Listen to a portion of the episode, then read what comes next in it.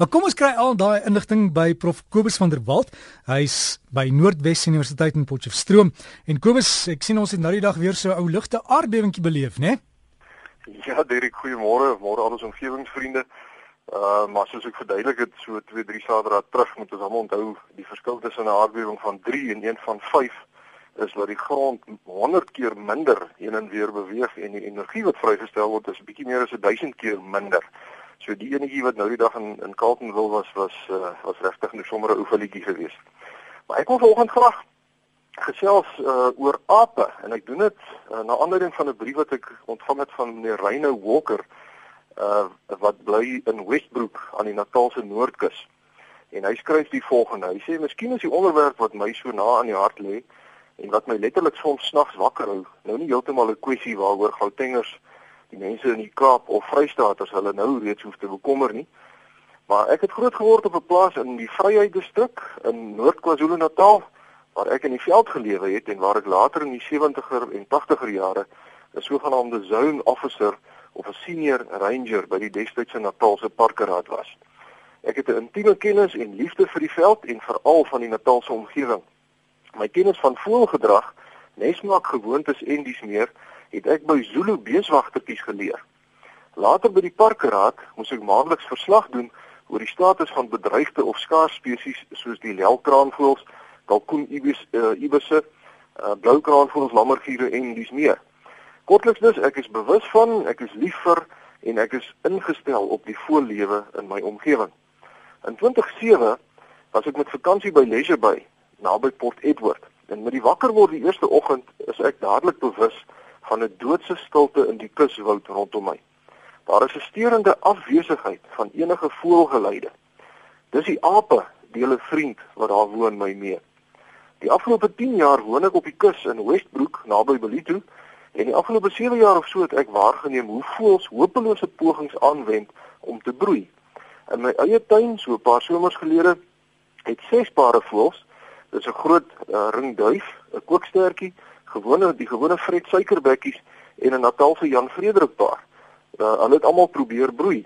Van die hele klomp het net die Jan Frederik suksesvol kon broei. Uh, en dit was omdat die nes diep tussen die lang blare van 'n draakboom verskuil was.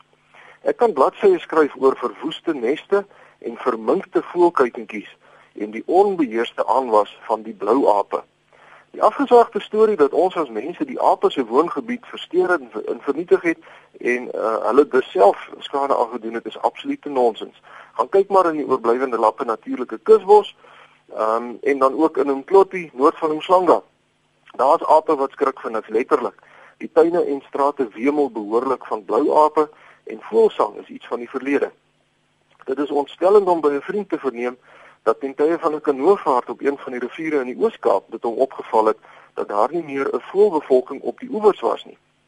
By 'n afvraag het die grondeienaar dit ook aan ape toegeskryf.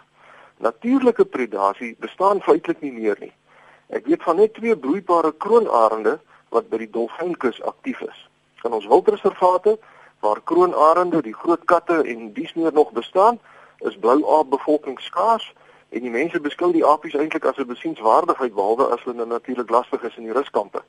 Maar op 'n motorfietstoer deur die land in 2008 was ek verstom om ape in die middel van die Karoo te sien.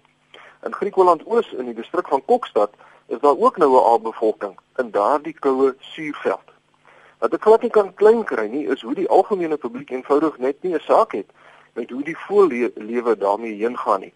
Dit seker maar omdat mense nie regtig fyn waarneem nie Mense is eerder begaan en fanaties uitgesproke oor nosterstropery of enige ander aspek van uitbuiting van die natuur en tereg ook so. Maar die meeste mense is blind vir wat onder hulle neuse in hulle tuine gebeur. Mense sê gewoonlik dat daar nog steeds volop voëls by tuinwaterbakke voorkom. Ja, dit is wel so, maar watter tipe voëls word hiervan gepraat? Sekerlik geen een van die soorte voëls wat 10 jaar gelede nog volop en algemeen was uh soveel sodat mense hulle eintlik nie eens raak gesien het nie soos die huismossies en lemoenduifies.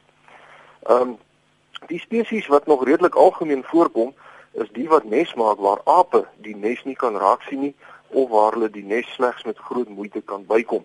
En ons praat hier van geelvinke, die swart oog, pittol, rooi vlek spreeus, die vrette en muisvoëls.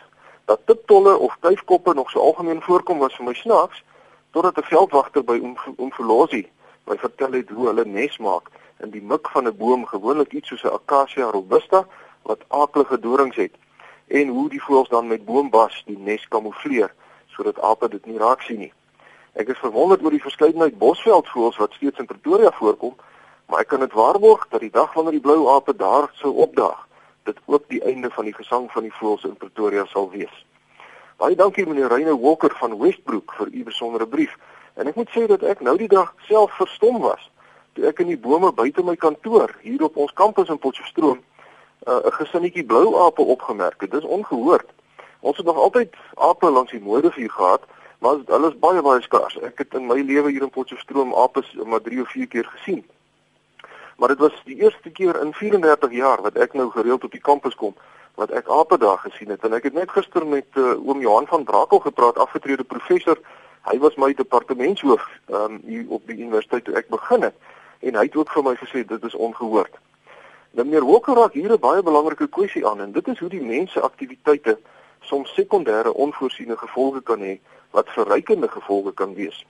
Presies dieselfde het byvoorbeeld gebeur met die robbevolking aan die Weskus van ons land en ook aan die Namibiese kus waar die mense nou miljoene haie oor die jare uitgewis het en soos die haie minder geword het, het hulle al minder robbe gevang sodat die robbe se getalle letterlik ontplof het. En nou vreet die miljoene robbe al die vis op. Uh nou dit het 'n gevolg natuurlik dat die vangste van vissermanne skerp afneem, maar die robbe self is nou al soveel dat hulle kleintjies van die honger begin doodgaan omdat hulle nie genoeg kos kry nie. Maar dis nou 'n emosionele saak wat nou hier begin, want vir baie mense is daar min dinge wat die gemoedere so hoog opjaag as 'n klomp mense wat met uh met knippels op 'n robkolonie toesak en die robbe uitding en pelsjasse maak van hulle velle. Nou die oes van robbe ontstel my ook, ek hou nie daarvan om goed dood te maak nie. Maar mens moet maar jou emosies uit die redenasie probeer uitdruk. Ehm um, want mens moet jouself dalk uh, maar afvra, wat is nou die verskil tussen 'n rob en 'n bees? Ehm um, wat is die verskil tussen 'n pelsjas van 'n rob se vel of 'n skoen van 'n bees se vel? Sal dit aanvaarbaar wees as ons die robbe op vragmotors laai en hulle na slagpale toe aanry soos wat ons met beeste maak? Ek dink net wat uh, wat gaan gebeur as die ape nou so baie word in ons stede? dat uh, hulle nou al die voëls opvreet en die klein apies begin nou van honger doodgaan. Die meeste mense en ek sluit myself daarbey in, sal waarskynlik so 'n arme honger apie wil voer, want mense kan ons nou nie net staan en kyk hoe die arme dingetjie van die honger doodgaan nie. Maar ons sal maar baie klinies oor hierdie saak moet dink, want die mens het die roofdiere wat die ape gevang het uitgeroei en die wanbalans veroorsaak en daarom sal die mens die wanbalans weer moet probeer herstel deur die ape uit te roei of gaan ons maar net sit en kyk hoe die ape al die klein voeltjies in die neste een vir een verskeur en opeet. As van ons omgewingsvriende daarvan bewus begin raak dat die aapbevolking in u geweste oormatig toeneem, dink ek dit sal baie goed wees om dit maar onder die aandag van die departement omgewingsake of dan die provinsiale parkerade te bring sodat daar iets aan gedoen kan word. Net weer baie dankie meneer Reyne Walker van Westbrook dat u hierdie saak onder ons aandag bring die keuses wat ons in hierdie verband sal moet maak is ongelukkig nie maklik of eenvoudig nie. En dit ek daarmee sluit ek af. Skryf gerus vir my by kobus.vanderwalt uh by nwu.ac.za of by die fakulteit natuurwetenskappe Noordwes Universiteit Potchefstroom 2520.